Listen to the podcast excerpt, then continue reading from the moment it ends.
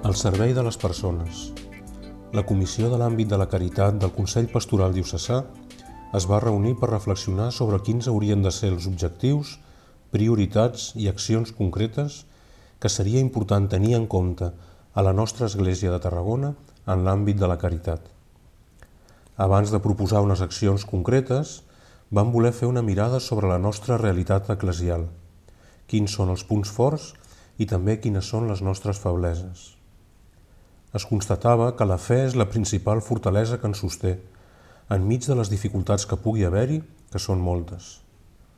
També es valorava que en els nostres temps ha augmentat en els creients de les nostres comunitats la conscienciació de la greu problemàtica social que estem vivint i això afavoreix el treball a fer.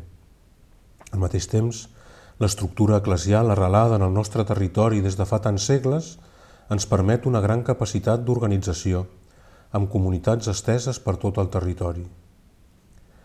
Com les dues cares d'una mateixa moneda, també érem molt conscients que alguns dels punts forts de la nostra realitat eclesial també tenen el seu punt feble. Així, a vegades l'estructura que ens dona solidesa també pot encotillar-nos i pot provocar una certa resistència al canvi. És allò de sempre s'ha fet així el perill de la rutina.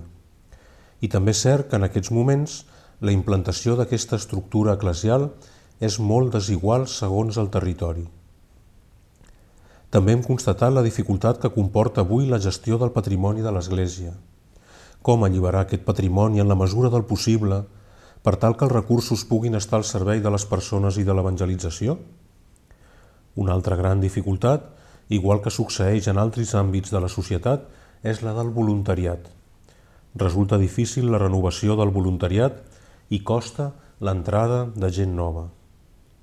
En definitiva, en l'àmbit de la caritat, com, tots, com en tots els àmbits, és necessària la conversió personal, per tal d'evitar tot tipus de personalismes, tractant de treballar sempre en comunió. Un dels reptes més urgents és la necessitat de formar-nos i a nivell social donar resposta a qüestions importants com el tema de l'accés a l'habitatge, la promoció laboral o l'ecologia. També l'acompanyament en la soledat que viuen tantes i tantes persones resulta essencial. Aquests reptes no resulten fàcils d'afrontar. La secularització del món actual genera moltes dificultats a l'hora d'evangelitzar. També ho dificulta el llast històric de certa imatge de l'Església que hagi pogut quedar en la societat. Veiem fonamental, però, la necessitat de perdre la por, de viure la nostra fe des de la valentia i el coratge. Des d'aquesta comissió se suggerien algunes accions pastorals concretes. 1. Necessitat de formació dels nostres agents de pastoral i voluntaris. 2. Fomentar el voluntariat. 3. Aprofitar els recursos patrimonials de l'Església amb una finalitat social, habitatge i treball, promoció laboral. 4. Necessitat de coordinació entre les comunitats més grans i les més petites, per donar servei i cobrir les necessitats de llocs que poden quedar desatesos, aprofitant millor els recursos i serveis. 5.